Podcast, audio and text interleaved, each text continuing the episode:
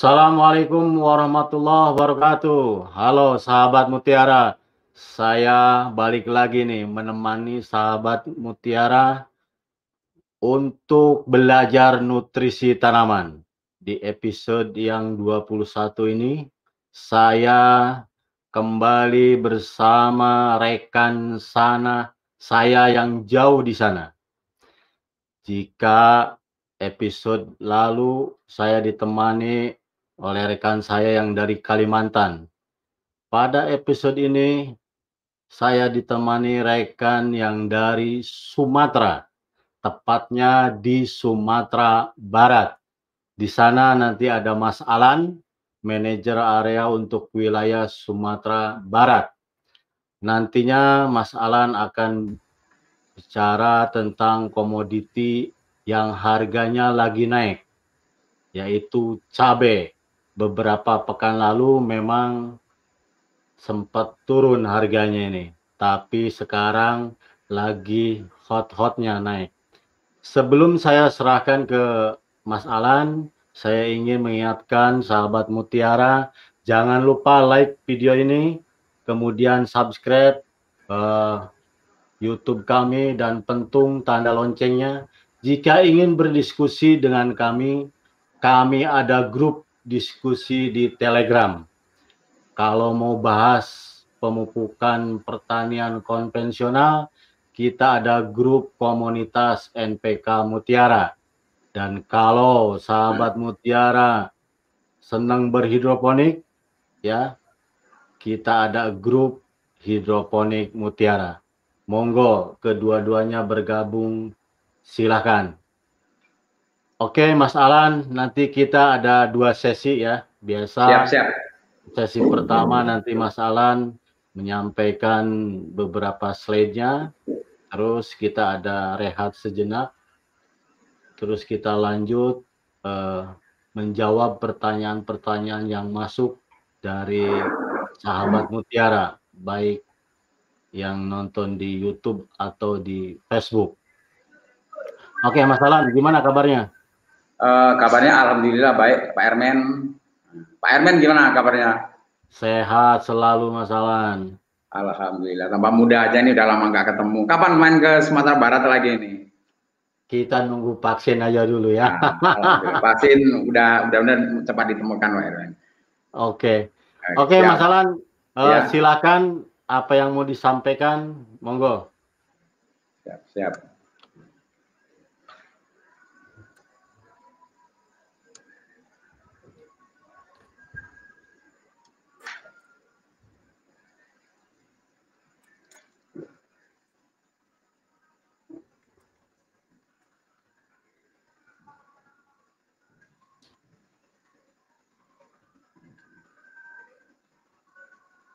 Oke, terima kasih Pak Ermen. Uh, selamat uh, sore, sahabat Mutiara di Indonesia. Salam sejahtera bagi kita semua. Uh, baiklah, pada pertemuan episode kali ini, saya akan membahas tentang tanaman cabai. Jadi kita membahas dari pupuk melalui foliar dulu. Jadi tanaman cabai butuh pupuk daun. Butuhkah tidak? Sangat butuh sekali selain di aplikasi di dalam tanah. Jadi kita akan e, menjelaskan bagaimana sih triknya agar tanaman cabai yang kita tanam selain memberikan aplikasi lewat tanah juga aplikasi melalui foliar di daun. E, budidaya cabai. Tanaman cabai ini dapat tumbuh di wilayah negara kita Indonesia ini ada di dataran rendah juga ada juga yang di dataran tinggi. Jadi kalau kita menanam cabai baiknya kita harus jeli memilih varietas uh, untuk di dataran rendah mana sih yang cocok untuk di dataran tinggi tinggi mana sih yang cocok untuk kita bertanam cabai karena uh, peluang besar dan luas eh, rata-rata uh, konsumsi cabai kita ini ada 5 kg per kapita per tahun di tahun 2013 dan 90% cabai ini dikonsumsi dalam bentuk segar. Jadi budidaya cabai ini masih sangat menggiurkan untuk uh, produksi cabai di provinsi uh, Sumatera Barat sendiri memang luar biasa. Di tahun 2015 sampai di tahun 2019 ini mengalami eh, hampir dua kali lipat kenaikan produksi cabai. Sangat luar biasa eh, produksi cabai di Sumatera, cabai besar di Sumatera Barat ini.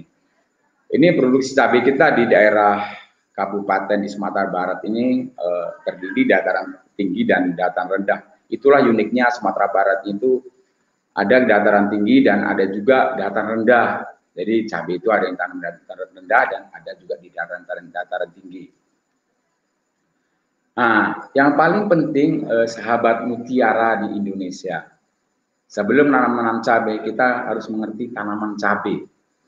Tentu kita tanam cabai ini bertujuan untuk mendapatkan hasil produksi yang paling ujung-ujungnya untuk meningkatkan eh, ekonomi dari keluarga kita.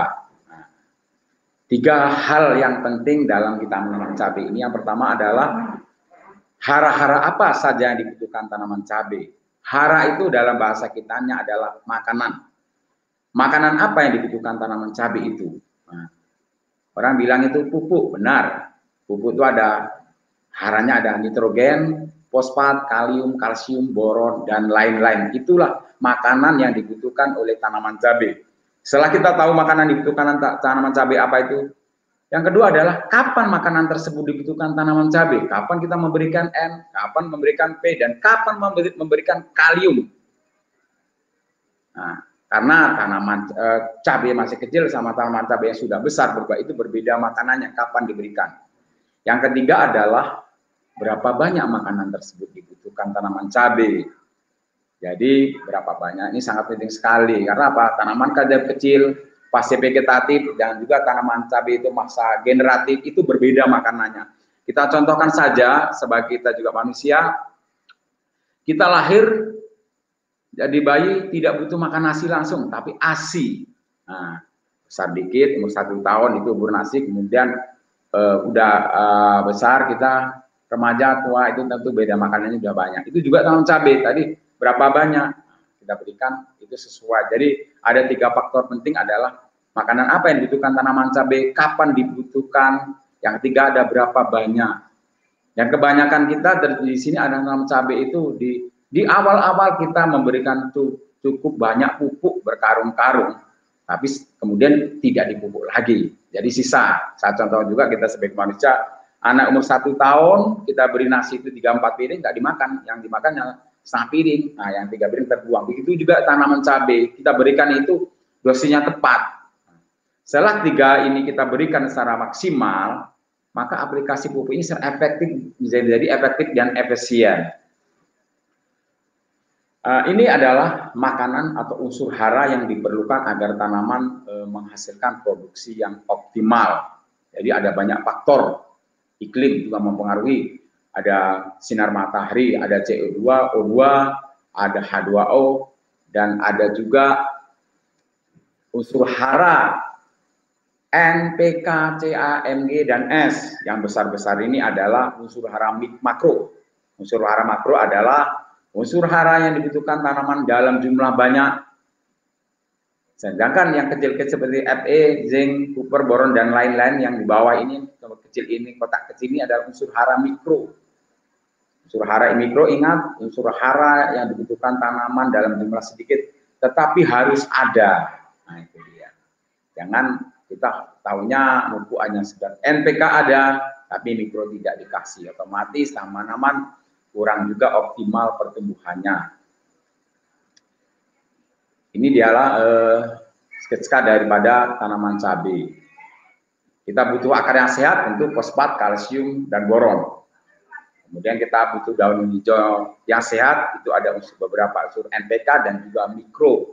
Mikro di akar juga butuh di daun bunga buah yang sehat juga butuh, di pembungaan yang baik juga butuh mikro. Jadi antara makro dan mikro ini di tanaman cabai sangat dibutuhkan sekali. Tapi kita ingat, tapi ingat mikro ini dibutuhkan tanaman dalam jumlah sedikit dan pemberiannya harus tepat. Nanti kita di slide selanjutnya kita akan jelaskan kapan mikro itu diberikan tanaman e, dalam jumlah yang tepat. Nah, ini e, sebagai contoh karena tanaman sendiri itu eh, kalau dia kekurangan hara atau makanan seperti kekurangan magnesium, kekurangan eh, sulfur, kekurangan kalium, kalsium, itu tidak bisa berbicara. Dia tanaman menunjukkan gejala fisiologis tanaman itu seperti daun menguning. Kemudian eh, tanaman cabai kita pucuknya agak busuk itu dan juga daun-daunnya mengering. Itu menunjukkan bahwa dia memberikan informasi ke kita sebagai petani bahwasanya oh saya ini kekurangan nitrogen, oh saya ini kekurangan fosfat, oh saya ini kekurangan kalium. Dan kita cukup berterima kasih bersyukur pada Tuhan Yang Maha Esa karena Coba kalau tanaman ini bisa ngomong, susah juga. Kita lagi makan malam sama istri, sama pacar, kemudian tanaman cabai kita bilang, masalah, ah, cabai saya kurangan, uh, saya kurang magnesium, tolong dikasih kan repot kita ganggu. Tapi tanaman ini memberikan uh, memberikan defisiensi dengan cara fisiologis tanaman. Nah itu dia. Jadi sebelum kita membelikan, memberi racun atau pupuk, kita harus melihat kondisi tanaman kita seperti apa daunnya oh seperti ini ya kurang Mg, kita harus cari pupuk mengandung Mg. Oh kuning karena penyakit, kita tentu harus uh, memberikan uh, informasi ke petugas atau ke toko bahwa penyakit ini apa obatnya. Jadi kita harus jeli dulu ke lapangan dulu, lihat tanamannya, baru kita langsung ke uh, toko pertanian atau tanyakan petugas yang bersangkutan. Nah, ini unsur hara yang dibutuhkan tanaman cabai itu unsur hara makrofungsional, makroprimer, dan makro sekunder dan ada mikro esensial dan benefikal ini sebetulnya sudah dijelaskan pada episode-episode yang uh, lalu. Jadi memang peranan unsur, ha, unsur hara itu sama. Jadi kalau kita melihat uh, Facebook Merauke dari episode 1 kata Pak Ermen tadi sampai 21, ini kalau Merauke Tabja episodenya selalu puncak terus. Jadi kayak sinetron asik terus lah bawaannya kan gitu seperti itu. Jadi sangat bermanfaat juga bagi petani. Indonesia. E, kemudian rakuman peran hara spesifik pada tanaman cabai. Ini e, memang di peran dalam berat buah itu memang dipengaruhi semua unsur hara dari NTK, unsur hara makro dan mikro. Kemudian ingat kalau sudah tanaman kita sudah berbuah, ingat N jangan terlalu tinggi dan jangan terlalu rendah. Kita harus mengetahui N pada saat fase generatif itu berapa. Karena N yang tinggi akan menyebabkan risiko penyakit juga tinggi, kemudian daya simpannya juga rendah. Kalau kalium kita kejar di berat e, buah, makanya nggak bagus di fase generatif tanaman cabai. Oh, setelah kita mengetahui definisi unsur hara e, tanaman tadi, kita harus mencari juga solusinya. Solusinya supaya kendala kita di lapangan di petani cabai ini bisa terpenuhi. Nah, ini nitrogen. Ingat, nitrogen adalah komponen utama organ vegetatif tanaman. Kemudian bahan utama pigmen warna hijau daun. Jadi kita bisa melihat tanaman kita kekurangan N, dia seperti warna kuning-kuning pucat. Setelah kita mengerti apa sih dari uh, pupuk dari Maruki Tetap Jaya, kita tidak membicarakan masa pupuk melalui uh, aplikasi di dalam tanah, tapi dalam aplikasi foliar. Ini ada tanda tetesan air, ini ada foliar dalam arti penyemprotan Jenis foliar di N dalam tanah uh, pupuk uh, Merauke ini ada pertama kalsium nitrat, kalium nitrat, monoamonium fosfat. Ini ada kandungannya N 15%, kalium nitrat 13% dan MAP itu 12%. Ini adalah pupuk foliar mengandung N. Ini kapan diberikan? Tentu ada umur fase-fasenya nanti akan dijelaskan di bawah. Makanya sahabat mutiara tonton simak video kita ini sampai habis supaya tidak ketinggalan informasi. Kemudian ada bubuk fosfat atau fosfor. Fosfor yang paling tangan adalah e, memacu dari perkembangan akar dan proses pembungaan. Itu inti daripada fosfor. Jadi bunganya kurang itu bisa dari kekurangan fosfat kita di awal. Kalau e, defisiensinya, defisiensi atau kekurangan itu memang kita lihat di daun-daunnya agak e, ungu keunguan. Ini adalah pupuk dari foliar dari PT Murkita Jaya, ada MKP dan MAP monokalium fosfat dan monoamonium fosfat yang berbeda ada kandungan fosfatnya. Fosfatnya di 52% di MKP dan MAP-nya adalah 61%. Uh, kemudian uh, kalium makroprimer meningkatkan toleransi stres akibat lingkungan kekurangan air dan paling penting ada kalium ini adalah dari segi rasa, volume dan berat. Nah, orang bilang bagaimana untuk berat supaya cabai berat kalium kalium itu benar di fase generatif. Defisiensi seperti ini dia kita lihat seperti gambar ini daun cabenya dia kuning kemudian ujung-ujung daun itu mengering. Itu memang kekurangan kalium. Jadi hampir mirip dengan penyakit. Jadi sahabat petani di Indonesia ini sahabat mutiara harus melihat harus jeli mana yang kena penyakit dan mana kekurangan hara kalium. E, kemudian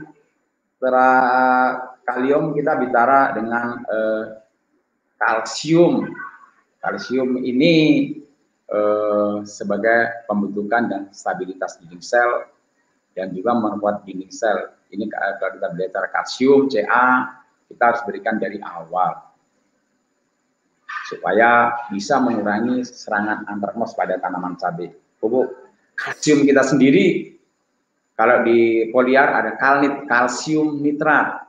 Nah, ini pupuk yang sudah banyak beredar di pasaran dan banyak petani Indonesia menggunakan kalsium nitrat ini. Kemudian makro yang paling penting sekunder ada magnesium Mg. Ini bahan utama pigmen hijau daun dan juga sebagai pompa mobila, mobilisasi atau penggerak daripada unsur hara NPK. Nah, ini dia. Magnesium adalah komponen klorofil di daun ya, fotosintesis itu dipengaruhi sinar matahari juga, mempengaruhi juga klorofil di daun jadi kalau daun kita seperti ini kuning, ada dapur daripada tanaman kita rusak. Kalau kita pun masak di rumah dapur rusak, otomatis kita tidak bisa makan juga. Seperti tanaman juga dapur eh, daun kita kuning-kuning, gimana mau tanaman mau bagus? Dia nggak bisa masak, jadi tidak bisa makan. Jadi memang magnesium sangat penting diberikan di tanaman cabai kita. Ini pupuk foliar kita magnesium adalah Mag S. Nah, kandungannya cukup bagus, 16% Mg dan 13% sulfur. Dan yang terakhir di pupuk mikro kita adalah Merauke Vitoplex. Nah, ini sangat dasar sekali sahabat mutiara Vitoplex ini.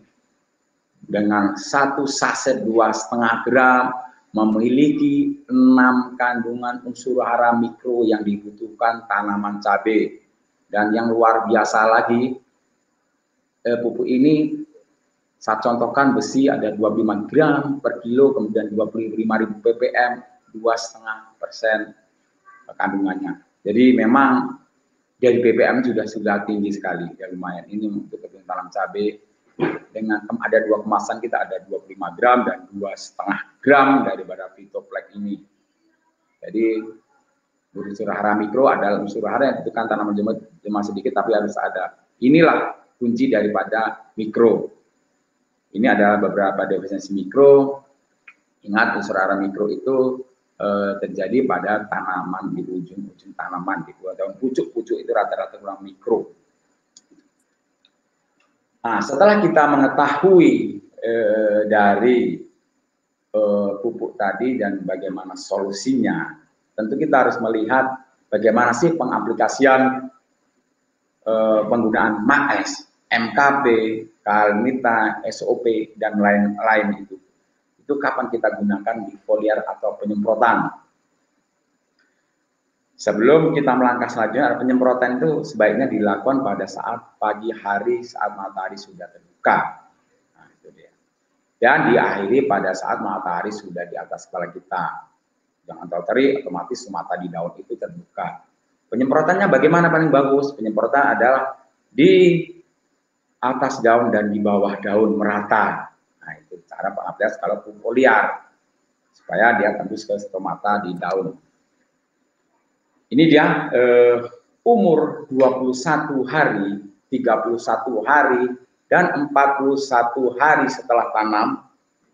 Pupuk foliar tanaman cabai apa sih yang dibutuhkan? Kita bicara dari pupuk vegetatif ala fosfat, kita butuh mikro. Jadi ini ada Merokepitoplex dengan dosis 2,5 gram per tangki. Kemudian MAP, magnesium untuk klorofil di daun tadi, kita cukup 3 sampai 5 sendok makan per tangki. Kemudian MAP itu cukup 3 sampai 5 sendok makan per tangki. Itu kita berikan di umur 21, 31 dan 41. Ini satu list 2 sampai 3 sampai 5 sendok. Kenapa? Paling bagus di uh, umur 21 kita kasih dosis 3 sendok makan Kemudian kalau umur 31 dan 41 hari itu kita memberikan itu di masih dok makan, kita naik dos, kita naik dosisnya. Kata tanaman ini sudah tumbuh besar. daunnya udah banyak, batangnya ada besar-besar, akarnya ada banyak, dan bunganya udah mau timbul. Jadi kita butuh mak kasih makan yang banyak supaya nanti dia tidak tekor makan. Makanya kita naikkan. Semua dosis ini di angka di 12 setengah sampai 15 liter air penyemprotannya.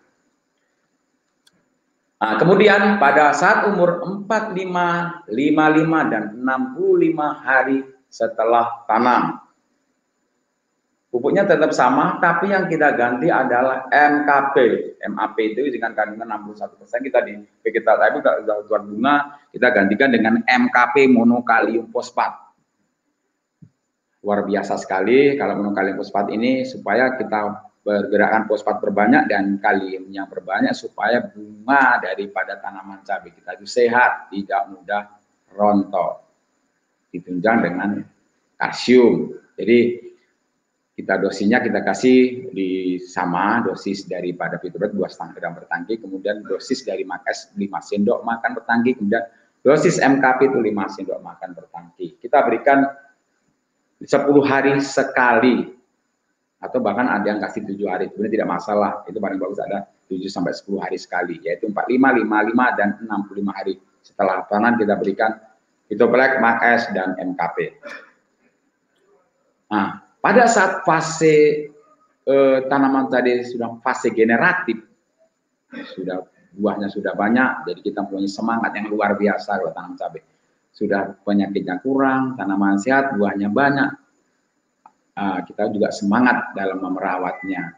Apalagi kalau di Sumatera Barat, harga terakhir kemarin antara 30 dan 35 ribu per kilogram saat ini. Jadi saat fase generatif, kita tidak menggunakan yang Eh, MKP dan juga MAP. Kita ganti dengan kali nitra, kalium nitrat. Dosisnya adalah fitoplek tetap kita ganti karena mikro wajib masuk, kemudian dosis MAKS 5 sendok makan per tangki dan dosis dari kalium dari 5 sendok makan per tangki. Karena kalium ini berfungsi untuk mengejar dari volume daripada buah cabai kita berat, rasa, dan juga warnanya supaya lebih mantap merah kita genjot di namanya kalium, kalsium, kalium ini. Jadi kita berikan sarutin. Bagaimana cara pengaplikasian penyemprotan ini? Ini tiga, tiga daripada pupuk ini disatukan itu tidak masalah kita berikan penyemprot tidak masalah. Ini berikan e, saat cabai kita ber, berbuah. Kita harus petani kita harus e, pandai bermanuver. Kenapa pada bermanuver? Uh, seperti kita hidup di dunia ini kalau kita hanya makan makan biasa, kemudian makan nasi uduk aja, kita harus nasi uduk aja itu bosan. Kita harus ganti-ganti seperti juga tanaman ini loh. Nah, bermanufarnya seperti apa? Nah, kalau kita menggunakan uh, seminggu yang lalu atau 10 hari kita menggunakan uh, Black, Maes dan Kalinata pada saat fase pembuahan ini. Supaya tanaman itu sehat dan senang dan tidak bosan dengan makanan itu, itu aja. Kita ganti namanya Maes tetap 5 sendok kemudian kita ganti namanya profit maxi. Nah ini dia. Profit maxi ini. Profit maxi ini adalah salah satu pupuk yang eh, sangat bagus sekali karena eh, ada kandungan NPK dan trace elemen mikronya juga. Jadi mau masih kita berikan 5 sendok makan per tangki kemudian MAS kita berikan 5 sendok makan per tangki bergantian kalau dalam eh, Senin ini kita menggunakan dosis uh, Fitoplek, kemudian Max, Kalitra, minggu depan lagi atau sebelah hari kita gunakan Covid Maxi dan Max. Sehingga nanti tanaman buah kita buah-buah beratnya juga lebih bagus. Nah, yang terakhir adalah pupuk kita foliar itu kalnit kalsium nitrat. Ingat, kita memberikan kalsium itu juga untuk mencegah kerontokan bunga juga, dan juga punya kalsium itu uh, memperkuat dinding sel tanaman kita supaya lebih bagus dan lebih fleksibel. Kita berikan kalsium itu 21 hari setelah tanam. Interval sebulan dua kali kita bersemprotan kalnit. Dosisnya tidak banyak. Cukup ini sidok makan per tangki aja. 15 12 setengah sampai 15 liter air kita semprotkan sebulan dua kali rutin sampai panen supaya nanti pun kalau sudah berbuah kita berikan kalnit ini buah cabai kita ini akan lebih padat juga lebih rapat Nah, lebih mengkilat juga penting di ta, da, daya tahan, daya simpan lebih lama. Jadi kalau pernah uh, penangkap buat cabai itu membeli buat cabai yang lebih tahan, lebih sering, tidak cepat busuk. Itu kita berikan kalnit.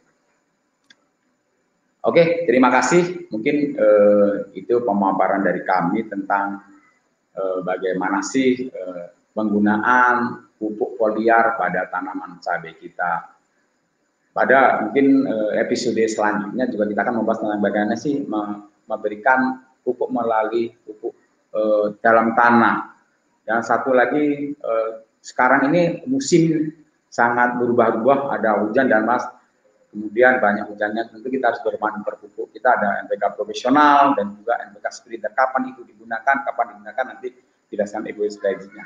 Terima kasih. Uh, waktu dan tempat saya kembalikan ke Pak Ermen selaku moderator. Oke, Mas Alan, terima kasih. Uh, mudah-mudahan nanti sahabat Mutiara yang belum jelas atau ada yang mau ditanyakan, baik yang nonton di Facebook atau di YouTube, silakan nanti ditulis di kolom komentar. Sebelum kita menjawab pertanyaan-pertanyaan uh, yang masuk nih Mas Alan, kita siap, siap. akan rehat sejenak. Monggo.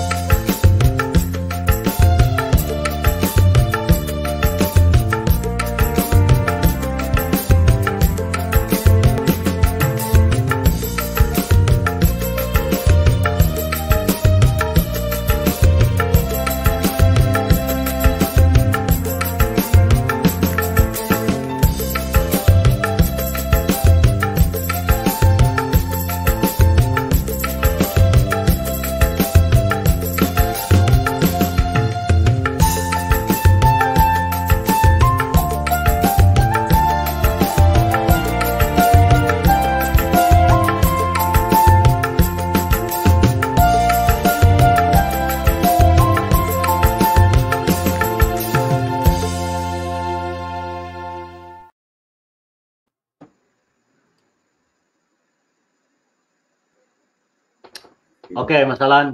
Siap, kita kembali lagi, sahabat Mutiara. Sebelum kita menjawab pertanyaan-pertanyaan yang masuk dari sahabat Mutiara, kita akan nonton sama-sama uh, video berikut ini.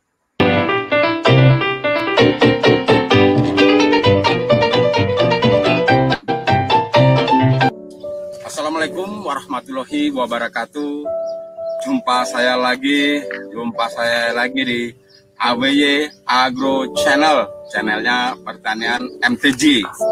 Eh, saat ini saya sedang berada di tanaman cabai dalam posisi masa generatif, yaitu masa tanaman cabai sudah keluar bunga dan berbuah. Pada episode yang lalu kita sudah menjelaskan tentang eh, penggunaan pupuk dasar tanaman cabai, penggunaan pupuk dasar eh, vegetatif tanaman cabai, penggunaan pupuk masa generatif tanaman cabai melalui pengocoran atau aplikasi di dalam tanah. Sekarang eh, kita akan membicarakan pengaplikasian pupuk dengan menggunakan penyemprotan. Dan tahap selanjutnya kita menggunakan pupuk melalui aplikasi semprot. Nah, kapan aplikasi yang semprot yang paling bagus adalah saat uh, uh, jam 7 sampai jam 9 atau jam 10 kemudian sore hari jam 4 sampai jam 6 sore. Kenapa? Pada saat itu uh, stomata daripada daun masih terbuka. Udah jam 11 jam 12 stomata daun akan tertutup. Jadi pada pagi hari stomata daun itu terbuka otomatis kita semprotkan uh, di daun ini. Jadi nutrisi yang kita berikan ini langsung diambil tanaman seperti itu. Memang harus diberikan pada saat uh, tomata daun, daun terbuka. Bagaimana uh, penggunaannya? Kita semprotkan bagian atas tanaman cabai, kemudian bagian bawah tanaman cabai. Kita semprotkan uh, uh, nutrisi tadi. Kenapa? Tomata itu ada di bawah tanaman cabai ini juga. Jadi memang kita harus memberikan uh,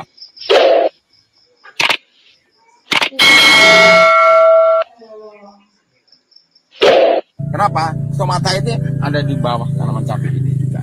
Jadi memang kita harus memberikan uh, aplikasi ini uh, di bawah dan di atas tanaman cabai, di bawah daun. Merauke Tetap Jaya Indonesia ini mengeluarkan uh, produk uh, pupuk melalui foliar atau aplikasi penyemprotan di daun. Jadi yang pertama adalah Merauke MAP ini diberikan saat tanaman cabai umur umur 25 hari setelah tanam. Dosisnya berapa? 3 sendok per tangki. Kemudian MAP ini diberikan satu namanya unsur mikrofitoplek. Nah, ini bubuk mikrofitoplek ini ada kandungan unsur MN, perum, tembaga, molybdenum, zinc dan boron. Kenapa harus diberikan pupuk mikro? mikro ini dalam diberikan dalam tanaman dalam jumlah sedikit tapi harus ada. Nah, harus diberikan harus ada nih di tanaman kita.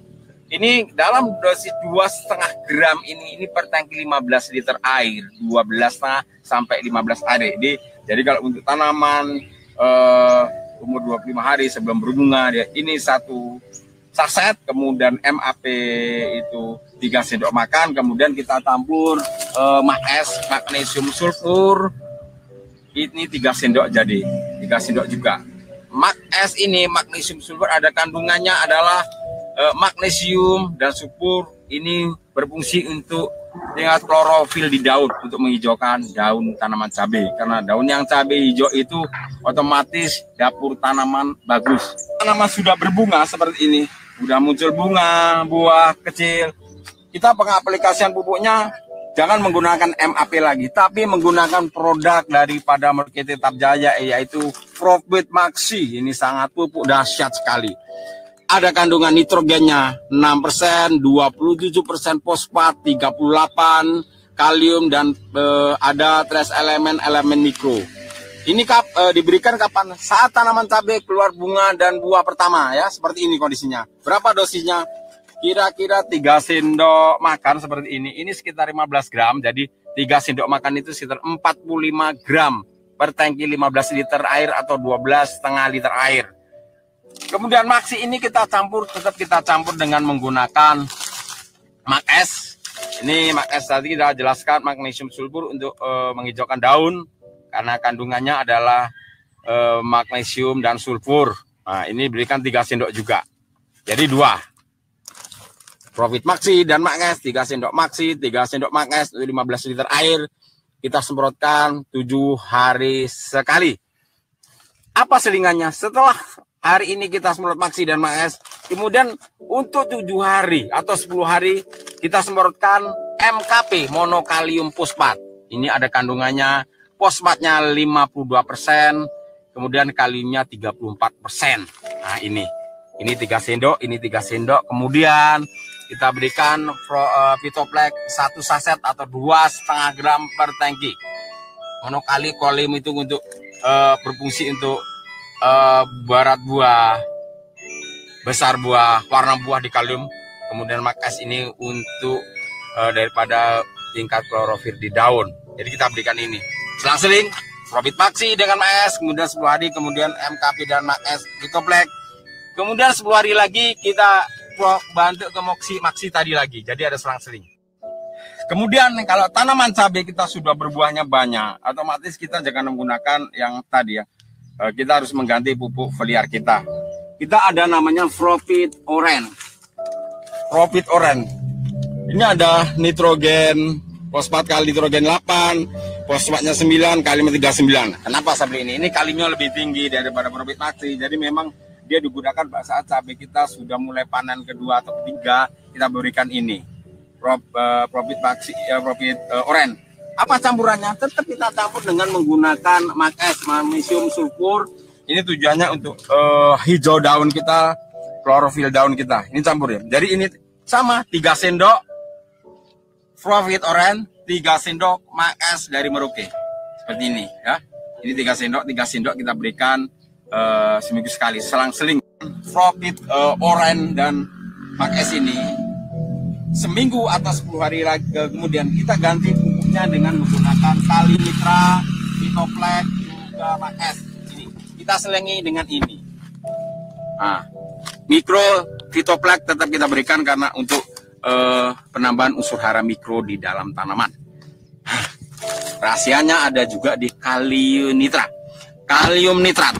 Ini ada kandungannya kita lihat uh, nitrogennya nitrogen dalam bentuk nitrat itu 13% dan kalium 45% seperti asumsi kita bahwa kalium dibutuhkan tanaman saat dia tanaman masa generatif untuk bobot besar dan juga uh, warna dari buah cabai. Oh, oke. Okay. Baiklah.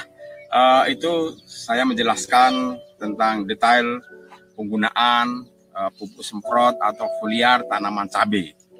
Jadi memang setelah kita lakukan aplikasi di tanah, penyemprotan itu pun harus kita lakukan pemberian pupuk lewat uh, semprot itu perlu kita lakukan supaya pertumbuhan tanaman cabai itu kuat. Jadi nutrisinya cukup. Mungkin itu yang uh, perlu kita sampaikan. Semoga apa yang saya sampaikan ini bermanfaat untuk pertumbuhan tanaman cabai kita semua. Terima kasih. Salam dari AW Agro Channel. Wassalamualaikum warahmatullahi wabarakatuh.